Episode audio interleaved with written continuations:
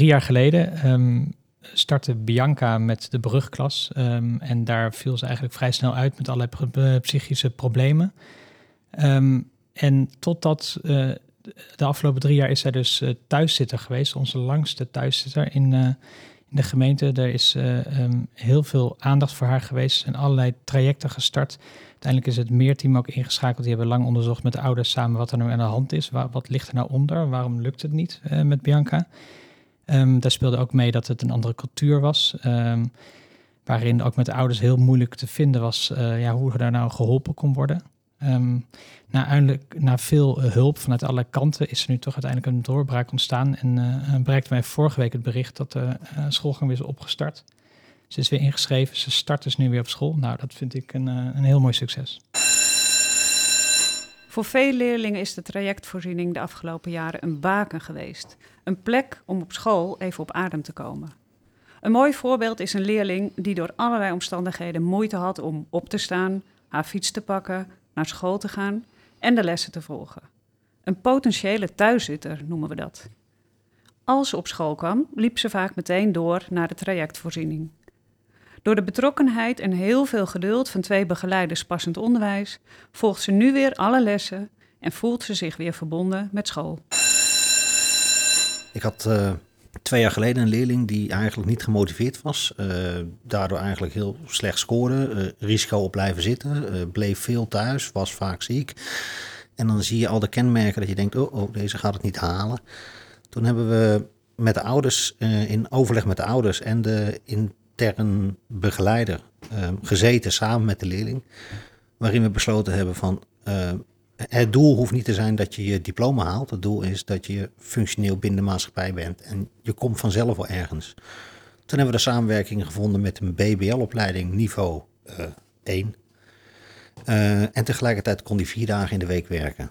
Daar was de jongen zo gelukkig mee. Dat kon pas drie maanden later kon het pas gaan. En vanaf dat moment ging hij naar school, haalde die hele goede cijfers. Toen zeiden mijn collega's, nou dan kan hij wel blijven, dan haalt hij zijn examen. Ik zei, nou, als je dat doet, dan ben je hem dus wel kwijt. we hebben het toch doorgezet en nu uh, zit hij op niveau 3. En daar ben ik heel erg blij mee. Een heel concreet voorbeeld is het misschien niet, maar ik wil wel eigenlijk een, uh, een, een, uh, een heel groot compliment maken aan uh, de samenwerking uh, met alle zorgcoördinatoren en hoe het, uh, de zorg in de scholen is opgebouwd. wij hebben vanuit het regioloket veel contacten met, met alle scholen. En er is een heel duidelijk netwerk opgebouwd waarin we ja, elkaar gemakkelijk weten te vinden als er zorg is om leerlingen. En er is veel flexibiliteit om te kijken naar een passende oplossing voor, voor kinderen. En ja, dat, dat vind ik vanuit de scholen echt uh, heel goed opgezet.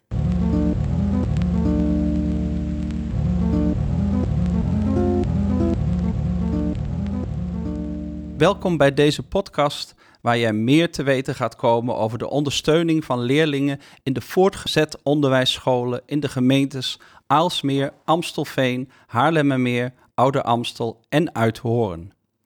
Sommige leerlingen van de scholen hebben meer ondersteuning nodig bijvoorbeeld vanwege een lichamelijke beperking of door leer- en gedragsproblemen.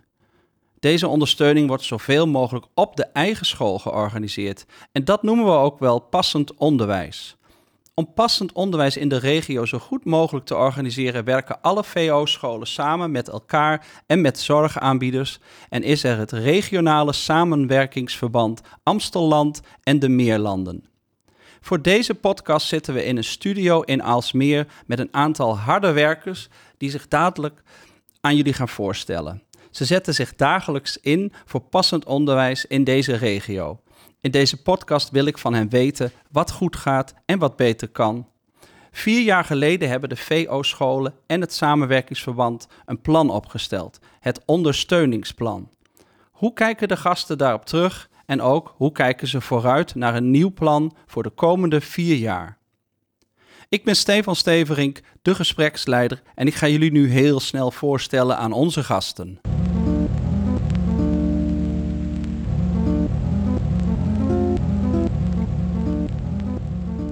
Als eerste Bas Vismans. Hebben we contact?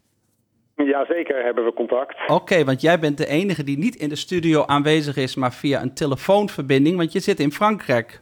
Ja, dat klopt. En ik ben ook de enige die, die geen harde werker is, zoals je in je, in je inleiding zei. Oh. Maar uh, ik ben uh, inderdaad gestopt, dat klopt.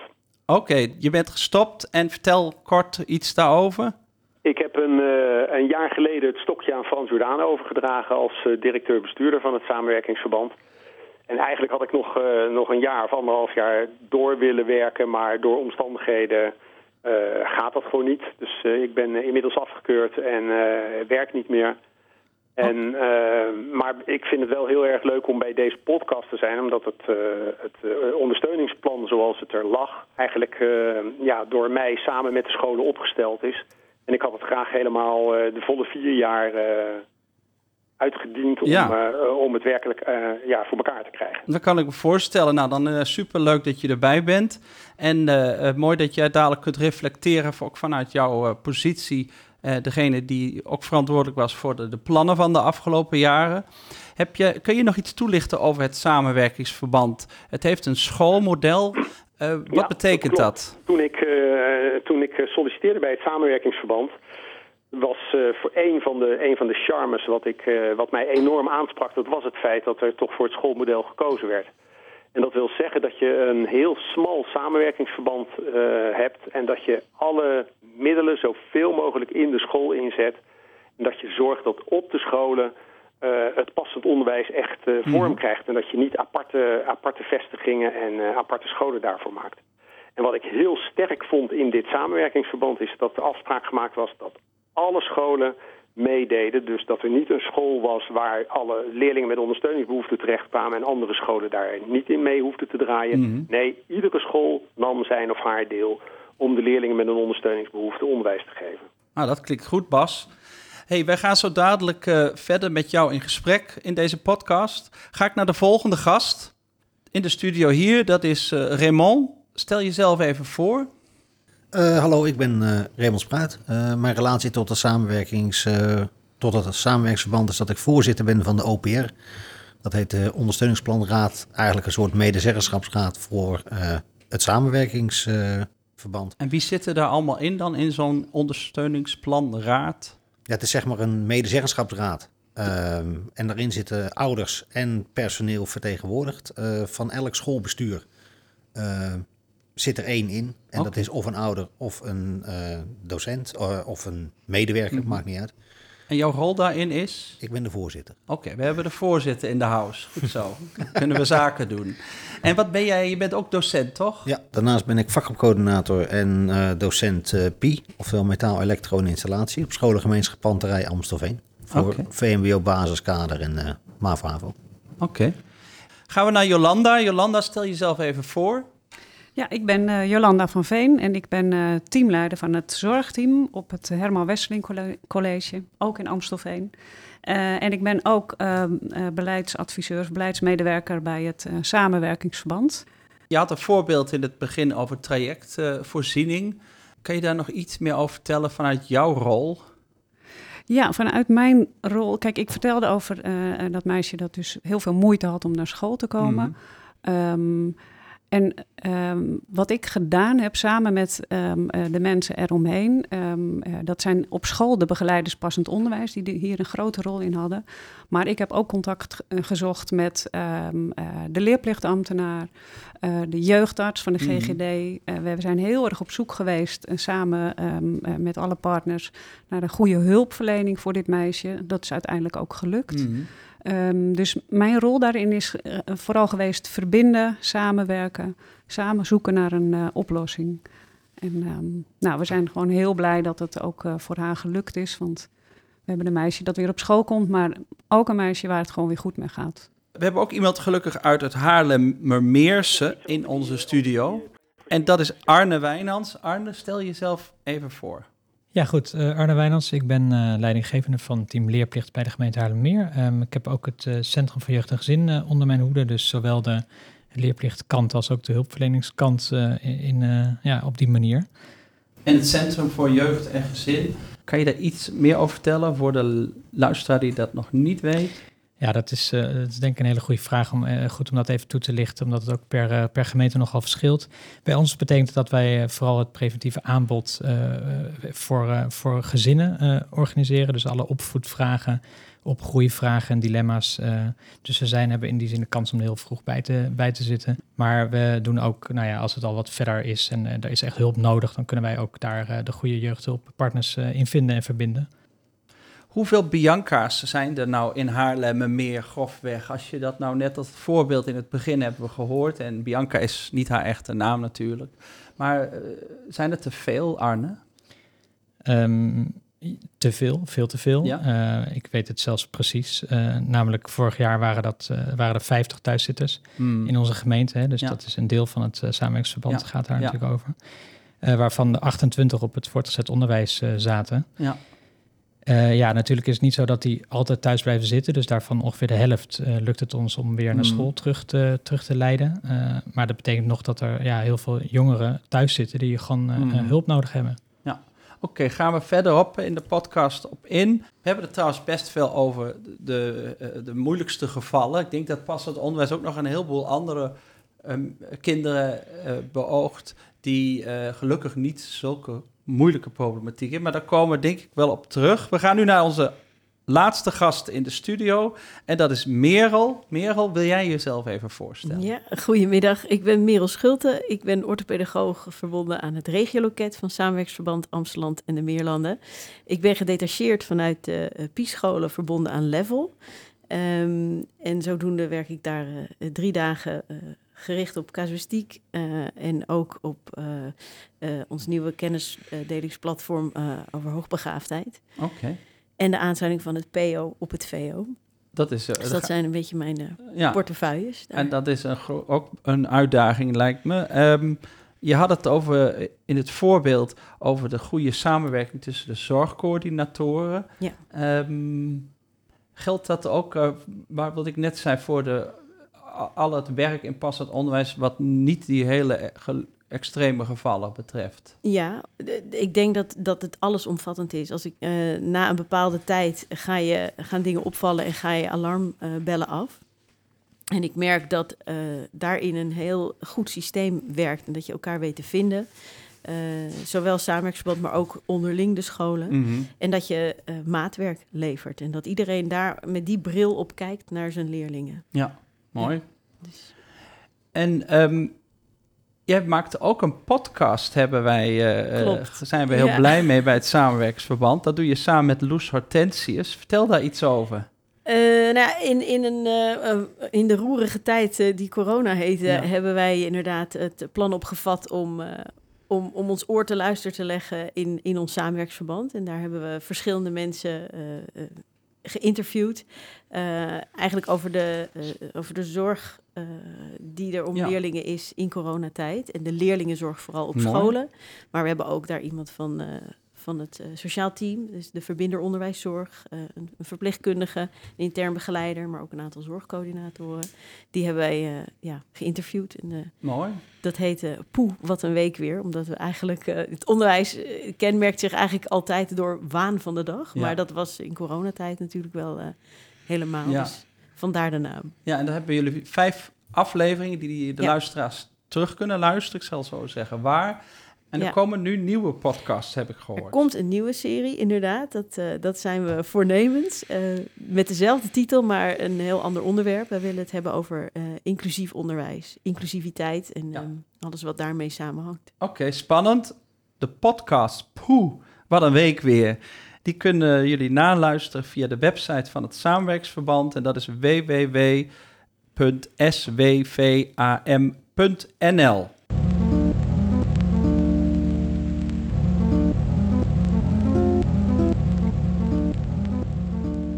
En dan gaan we naar een aantal speerpunten vanuit uh, de huidige aanpak de afgelopen jaren. Uh, en één, zoals we net ook al hoorden, is het langdurig verzuim en thuiszitters. En er is een actieplan geweest.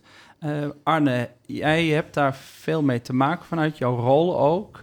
Heb jij een voorbeeld daarvoor? Ja, klopt. Zeker. Dat is een van de dingen waarin we de samenwerking juist hebben opgezocht de laatste jaren. Um, ook omdat we zagen dat daar echt nog wel wat te verbeteren viel. Um, En tegelijkertijd proberen we dus per casus in de praktijk telkens weer naar die oplossingen te zoeken. Ehm, nou, eh, eh, nog een geval waar ik eh, deze week op stuitte in de voorbereiding op deze podcast was Mhm. het geval van Maarten, die eh, 14 jaar is en in de tweede klas van het Kai Munk zit Mhm. in, in Haarlemmermeer. Ehm, dan valt hij uit met vage vermoeidheidsklachten, eh, waar eigenlijk niemand echt eh, een vinger achter krijgt. Hij is daar zelf heel gesloten over. Eh, de, de schoolarts kan daar uiteindelijk medisch niks mee. Ehm, en eigenlijk blijkt het, ja, wordt het een lastig verhaal. Met de ouders komen we ook niet echt verder vanuit leerplicht. Ehm, dan uiteindelijk eh, kiezen we ervoor om To Learn in te zetten. Dat is een, eh, een organisatie die eh, veel ondersteuning thuis biedt. die echt ernaast gaat zitten bij Maarten om hem drie keer per week begeleiding te geven. Echt weer in het oppakken van, van het onderwijs. Dat duurt, dat duurt dan best wel een periode, een jaar. Ehm, en dan gaat hij naar het Altra College, wat een hele mooie voorziening is eigenlijk die we in de regio hebben.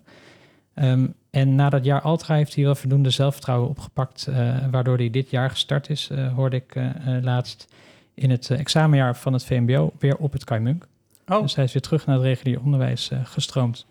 en Ja. zo zien we het graag, hè, denk ik. Ja, Zeker. zeker. Dit is, eh, ik vind dit een heel mooi voorbeeld, als ik daar even op mag inhaken, Ja. Stefan. Ja. Ehm, wij hebben namelijk met Altra eh, eh, zijn, we, zijn we gaan onderzoeken hoe we ervoor kunnen zorgen dat leerlingen eerder instromen bij Altra, zodat ze op tijd de vaardigheden kunnen leren om vervolgens in het regulier onderwijs toch hun diploma te halen. Dus dit is een goed voorbeeld ervan.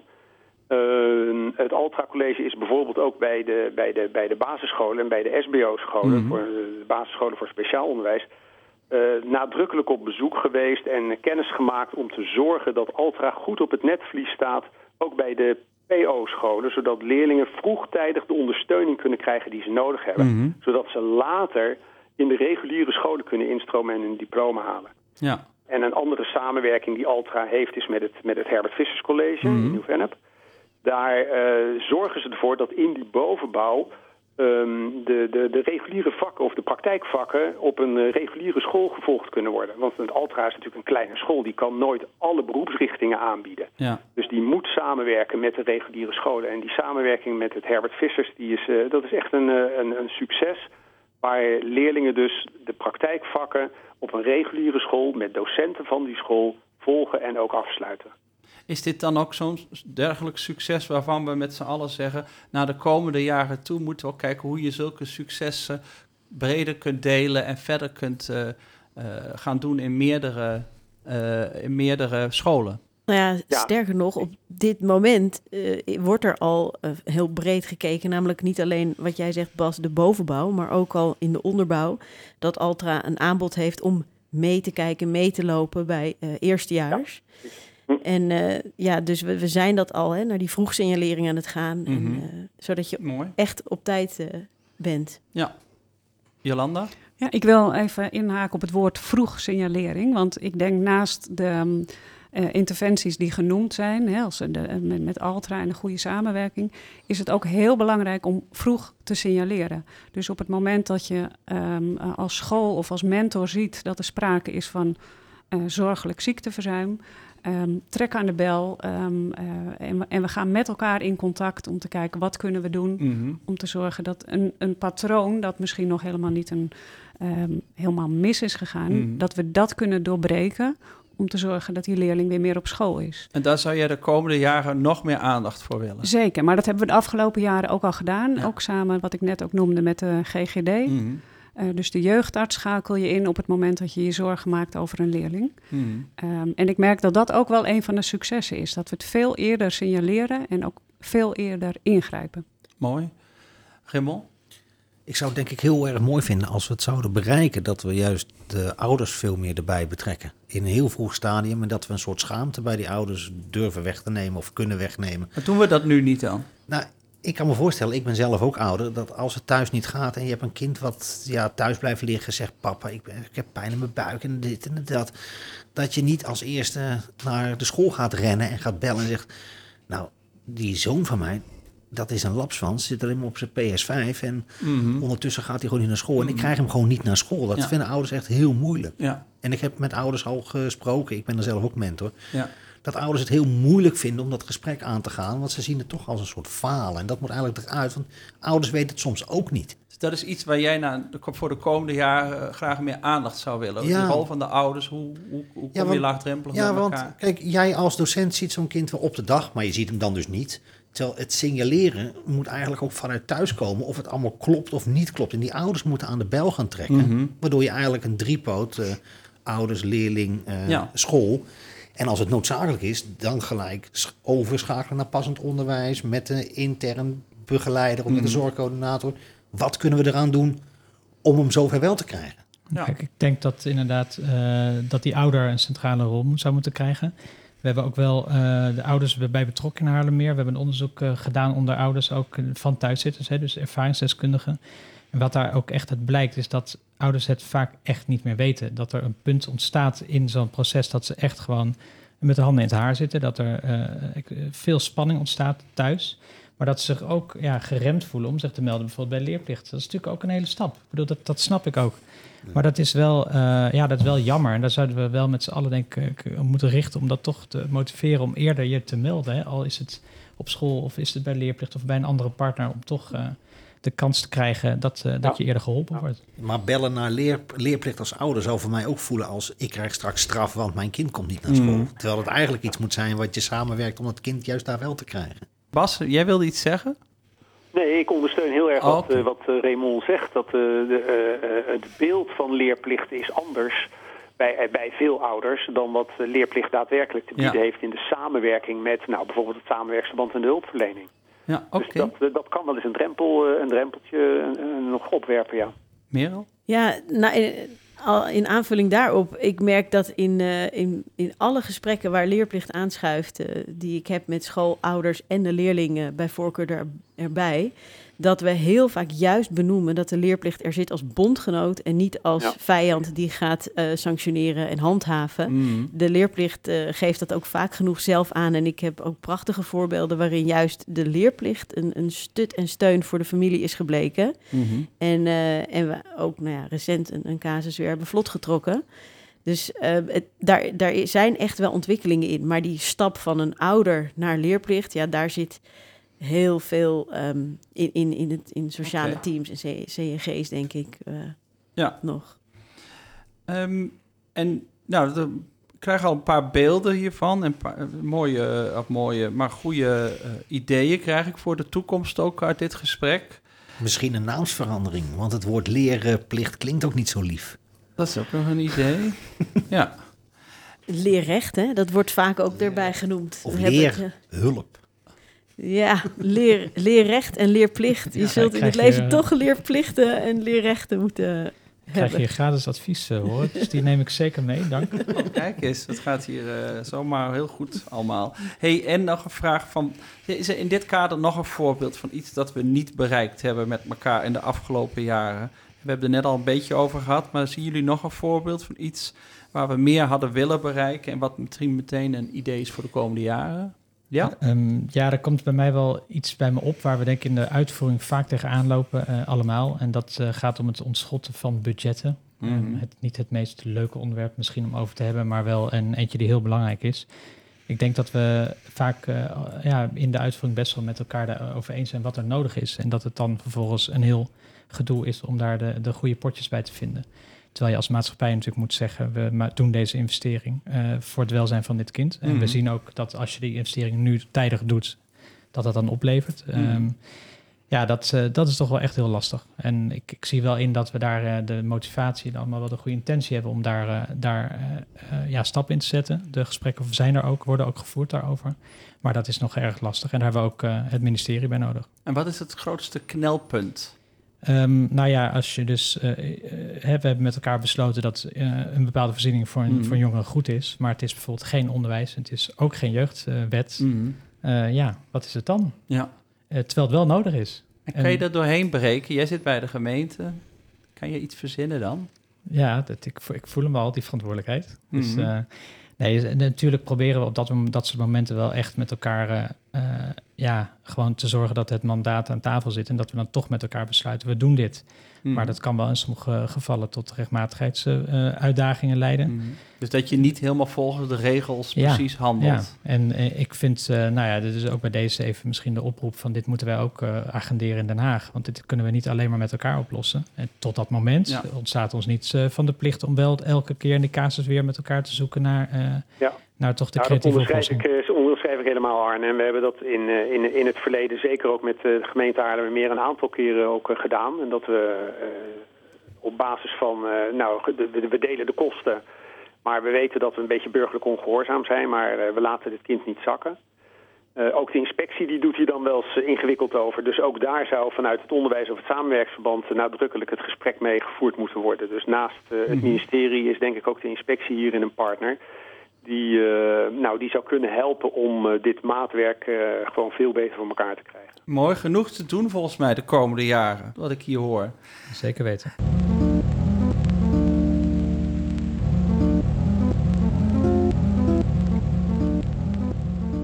Hey, gaan we het even hebben, wat mij betreft, over het professionaliseren van mentoren en docententeams. Daar is de afgelopen jaren, denk ik, ook hard aan gewerkt. Ehm, hoe is dat gegaan? Kan iemand daar iets over zeggen?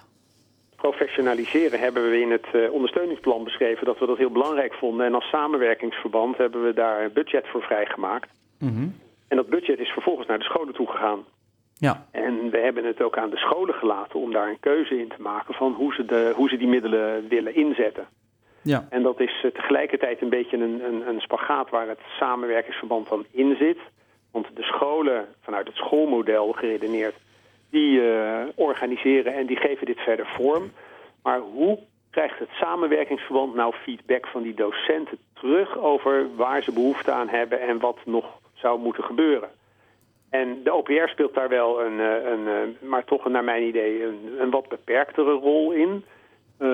Ik had zelf in, in ieder geval wel behoefte om veel meer van docenten terug te krijgen over waar nou de knelpunten zitten om nog makkelijker, nog beter, nog sneller die leerling met die ondersteuningsbehoeften te signaleren en ook vervolgens te ondersteunen.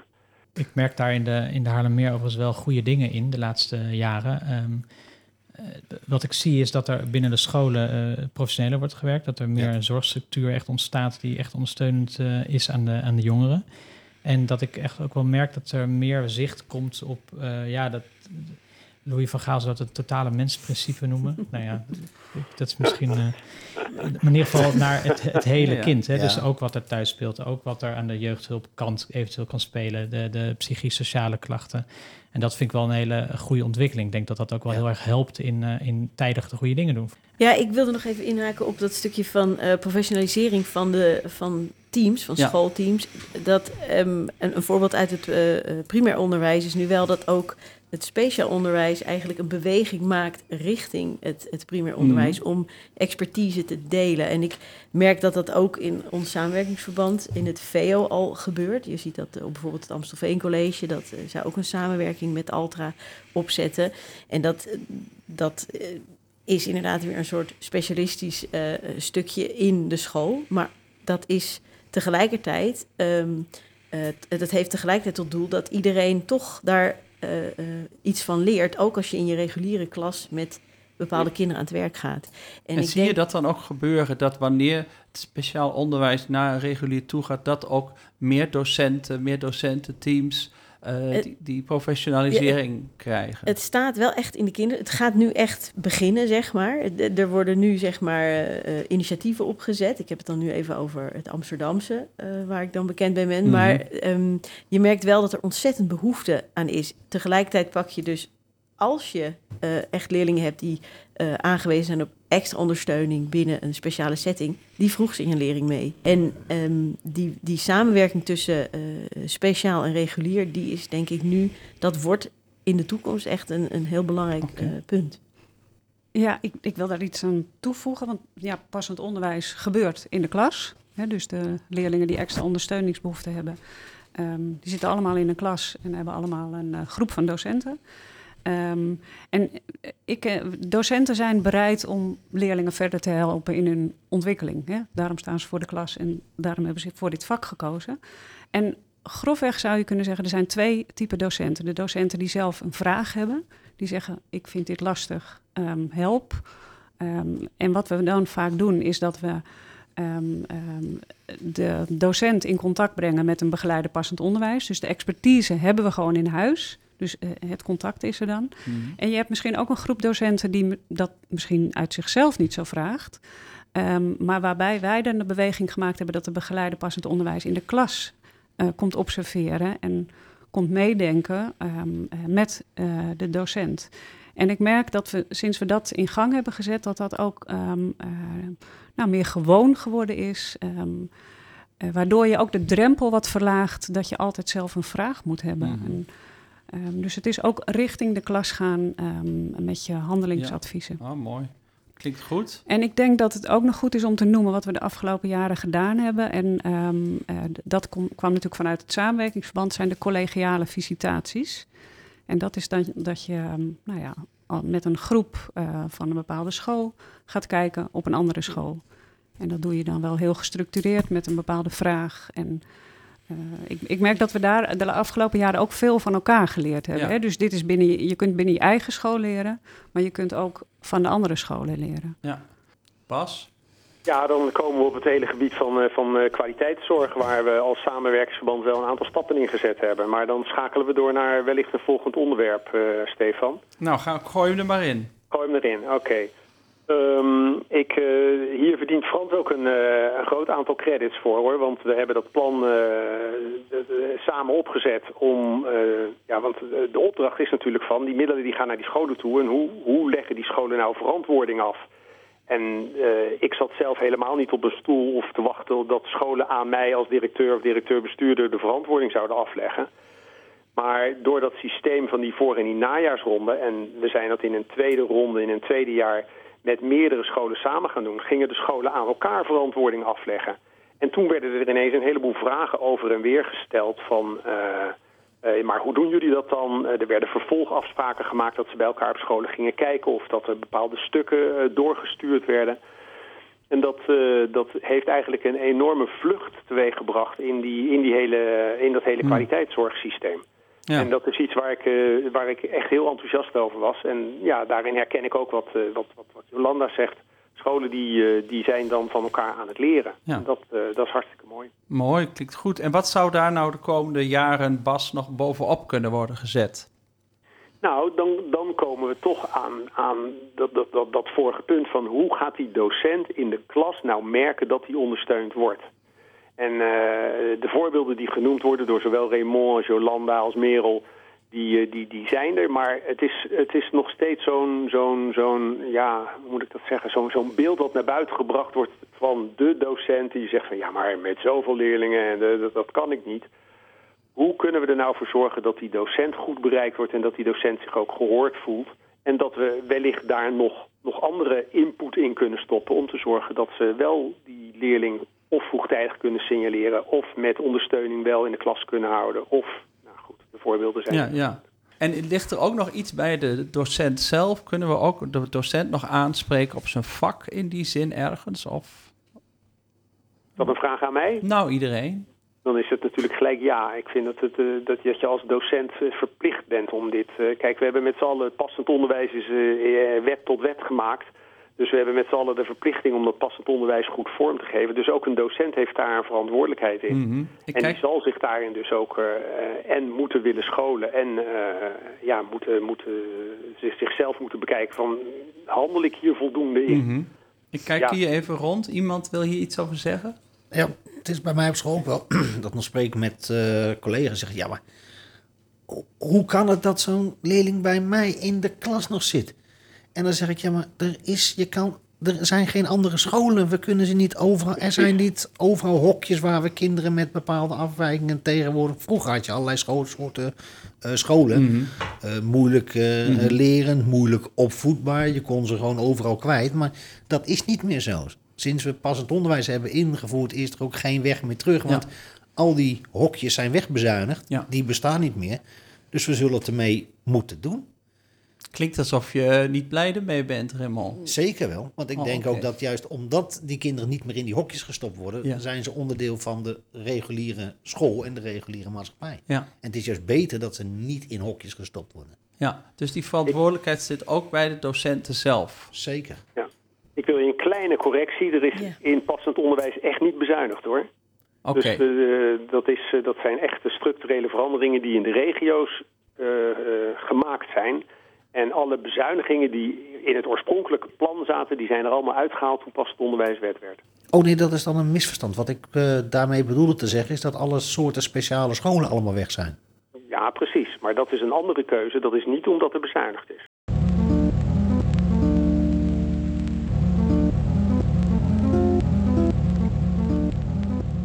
Hey Bas, ik had nog wel een vraag aan jou. Je bent de vorige directeur-bestuurder en eh, jij stond aan de wieg van het plan waar we de afgelopen jaren eh, mee hebben gewerkt. Hoe keek jij er vier jaar geleden tegenaan? Was dat een heel andere situatie en ook een heel andere manier van kijken door jou? Ja, zeker wel. Is, er is in die vier jaar zo ontzettend veel veranderd. En Ja. dat heeft eh, met eh, verschillende, verschillende dingen te maken. Dat, de scholen hebben allemaal een enorme ontwikkeling doorgemaakt in het eh, op poten zetten van hun zorgstructuur. En om daar goed iedereen kennis van te kunnen laten nemen. Mhm. Als je ziet hoe die trajectvoorzieningen in het begin... Nou, waren het heel veel klasjes met een lokaal en een, en, een, en een deur. En daar ging je je dan melden. En vervolgens zie je dat bij een heel aantal scholen die hele trajectvoorziening eh, meer begeleiden van leerlingen, meer ondersteunen van docenten, meer in de klas komen. Mhm. Dus dat dat idee van een lokaaltje waar je leerlingen opvangt, wordt heel erg losgelaten en gaat veel meer in de richting van eh, de ondersteuningsstructuur in de hele school goed vormgeven. Ja. En dan maak je eigenlijk al een sprong naar waar Frans in zijn nieuwe ondersteuningsplan mee aan de gang gaat. Dat is, eh, dat is ja, dat, toch dat hele inclusieve. Ja. Dat je het probeert in de school, in de klas, dat je daar die leerling probeert eh, te bereiken. Nou, dat is echt een enorme ontwikkeling geweest. En het tweede wat enorm ontwikkeld is, dat is, dat is toch dat hele kwaliteitsbeleid. Ja. Nou, dat, heeft, dat heeft echt eh zoden aan de dijk gezet. Daar zijn de scholen met elkaar in gesprek gegaan. Daarin werd verantwoording aan elkaar afgelegd. Scholen voelden zich ook onderling verantwoordelijk ervoor om aan de ander te vertellen... ik zet mijn middelen zo in en dit Mhm. levert het op. Nou, dat is, eh, dat, is, dat is ook echt een eh, groot sprong voorwaarts geweest. Ja. Hey, en die, die plannen die jullie vier jaar geleden op papier hebben gezet en dan de realiteit, is dat heel veel anders gegaan en hebben de plannen daardoor eigenlijk de afgelopen jaar ook telkens bijgesteld moeten worden? Nou, er zijn wel, eh, wel eh, accenten gelegd, ja. Eh, bijvoorbeeld dat, dat hele Altra-verhaal wat we in, Mhm. in de podcast voorbij hebben laten komen... Dat, dat stond niet oorspronkelijk in het, in het ondersteuningsplan. Maar dat, dat werd toch een uitwerking ervan... Die, die we met z'n allen heel, heel belangrijk vonden. Ja. En door corona heeft de boel toen ook, hebben jullie toen ook snel moeten, zaken moeten aanpassen? Ja, maar dat, dat is toch eigenlijk, voor zover ik dat meegemaakt heb... want ik heb dus het afgelopen jaar niet meer, eh, Mhm. niet meer aan het roer gestaan... Eh, maar, maar is dat toch heel erg door de scholen opgepakt.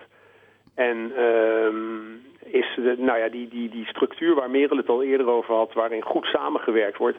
Ja, die hadden we ondertussen wel neergelegd. En die is in, dat, eh, in, in die coronaperiode ook goed gebruik van gemaakt. Dus dat, Ja. elkaar, dat de, de, de begeleiders elkaar wel weten te vinden. Ja. En er is natuurlijk ook eh, bijgekomen plus works van ja, wat doen we dan echt met kinderen die echt bui- buiten de, de boot vallen? Want dat kan de school zelf niet meer oplossen. Ja. Dat heeft eh, Bas ook eh, ingevoerd, toch? Dat heb je ook gedaan. Jazeker, dat voor heel ook incidentele gevallen. Dus eh, hè, we hebben wel geprobeerd het schoolmodel eh, goed voor ogen te houden. Mm. Maar 100% en dat zal in het nieuwe ondersteuningsplan ongetwijfeld eh, ook nog een aardig discussiepunt worden. 100% eh, inclusief in de school, helemaal zonder speciaal onderwijs of zonder speciale voorzieningen. Dat, eh, dat gaat hem denk ik niet worden. Dat moet je Ja. ook niet als streven op willen schrijven. Ja. Maar veel meer beschrijving in, eh, in zoek het maatwerk, zoals we met de Haarlemmermeer met Arne beschreven, zoals de voorbeelden die er net over leerlingen aan bod kwamen. Mhm. Zoek het maatwerk en Ja. laat je niet weerhouden door regeltjes. Nou, dat klinkt al meteen als eh, jouw boodschap die je had mee willen geven aan de luisteraars, scholen en het samenwerkingsverband voor de komende jaren. Ja, absoluut. Ja? Oké. Ja. Nog iets aan toe te voegen of was het genoeg? ik vind het een mooie opdracht. Oké. op. Ja, mooi. Zet hem op. Die vind ik eh, goed.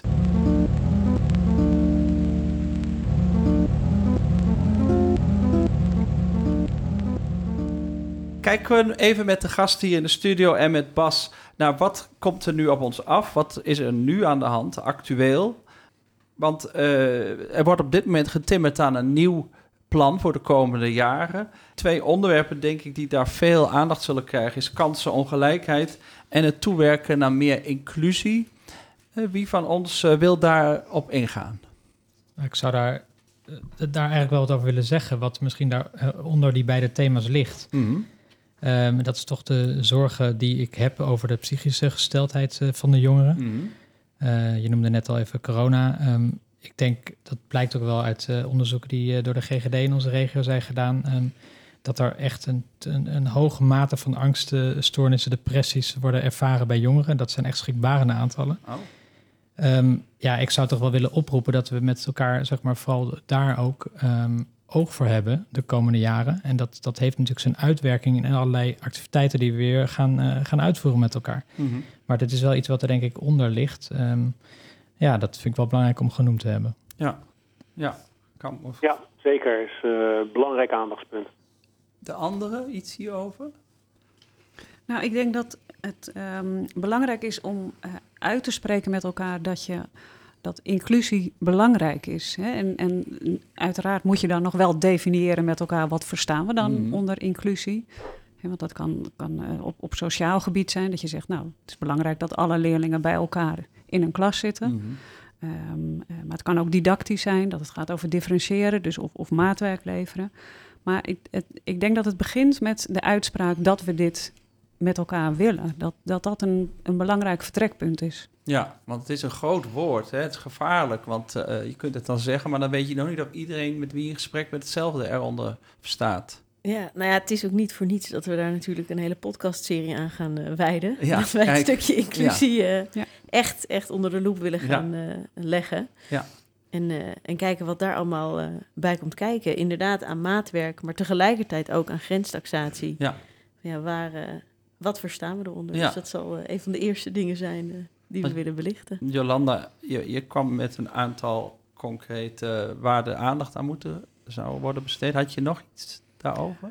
Nou, ik, ik zeg niet per se dat er aandacht aan moet worden besteed, maar dat, dat het een uitgangspunt is waar, uh, waarna je vervolgens moet verkennen over welke vormen van inclusie hebben we het dan en wat willen we er dan vervolgens mee bereiken. Ja. Um, dus het moet beginnen met daar een uh, uitspraak over doen. Iemand hier nog iets over? Nou, ik, eh, inclusie is een, een heel aantal jaar geleden ook als, uh, als term uh, vaak uh, gevallen. En heeft daar misschien nog wel een wat negatieve lading of duiding. En ik zou het jammer vinden als we daar last van zouden krijgen. Want de, de, de, zeg maar tussen de regels door bedoeling die door het samenwerksverband ook in het nieuwe ondersteuningsplan of in het concept wat er, wat er nu ligt, daar bedoeld wordt, dat draag ik een warm hart toe. Laat ik daar heel duidelijk over zijn. Maar um, ja, dat, um, ik denk dat wat Jolanda zegt in de beschrijving en vooral in het uitdragen van jongens, wat bedoelen we hier precies mee, dat daar wel echt heel goed aandacht voor moet zijn. Oké, dankjewel.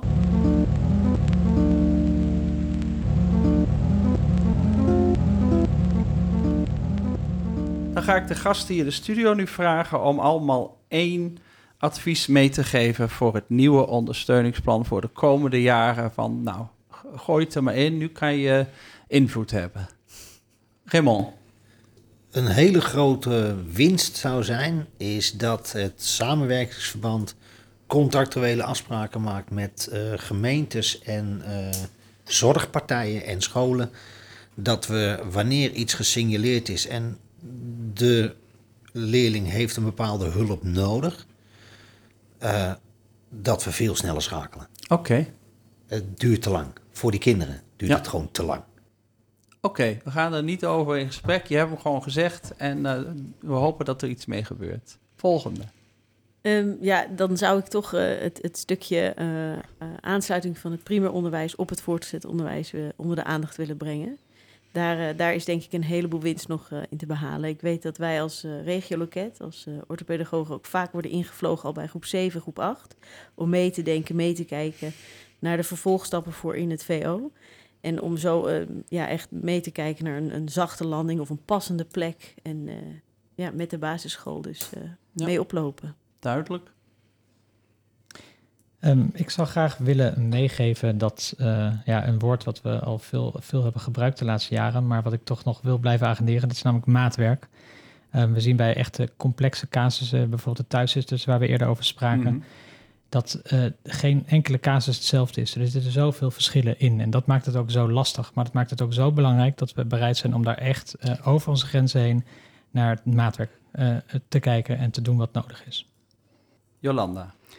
Ja, ik wilde nog iets noemen over de kansenongelijkheid, want dat was ook net een van de punten. Mhm. En om die uh, te minimaliseren, um, zou het mooi zijn als we de diversiteit in de regio van verschillende um, um, nou ja, onderwijs-zorgarrangementen kunnen vergroten. En dan denk ik aan uh, hoogbegaafde leerlingen, leerlingen die niet Nederlands als Mhm. moedertaal hebben. Uh, maar ook het maatwerk inderdaad van het speciaal onderwijs. Ja. Dus dat, we, dat er wat meer diversiteit komt in ons aanbod. Mooi, mooi. Nou, ik denk dat ze hier zeker iets mee kunnen met deze adviezen. Ik doe ook een oproep richting de luisteraars van deze podcast. Want jullie kunnen ook nog meedenken over het plan voor de komende vier jaar. Neem contact op met het samenwerkingsverband per telefoon of e-mail. En dan kan je voor naar de website gaan www.swvam.nl. We zijn aan het eind gekomen van deze podcast. En ik wil alle gasten hier in de studio bedanken voor hun komst, meedenken en meepraten. Ik vind dat het een prettig gesprek was. Ging goed. Dank jullie wel. Zeker. Ik wil Bas bedanken die via de telefoon vanuit Frankrijk aanwezig was. En speciaal dank aan Bas ook voor je inzet in de afgelopen jaren. En volgens mij wensen wij jou hier allemaal heel veel goeds toe. Yes. Nou, dank Zeker. jullie wel. Erg leuk. Dank Ja. je wel. Ik wil Radio Alsmeer bedanken voor de studio. Eh, om deze podcast op te nemen. En zeker de technicus Edgar. Daar doen we even een applausje voor. Ja, dankjewel. We hopen dat jullie de luisteraars geïnspireerd zijn geraakt om samen met de gasten door te blijven werken aan nog beter passend onderwijs voor de leerlingen van het VO in Amstelland en de Meerlanden. Luister dus ook naar de andere podcasts van Merel en Loes, zoals de reeks Poeh, wat een week weer. En eind dit jaar verschijnt van ons nog een podcast en die zal gaan over de nieuwe plannen van het samenwerkingsverband en de scholen voor de komende vier jaren. Ik zeg tot ziens en in dit geval tot luisterens.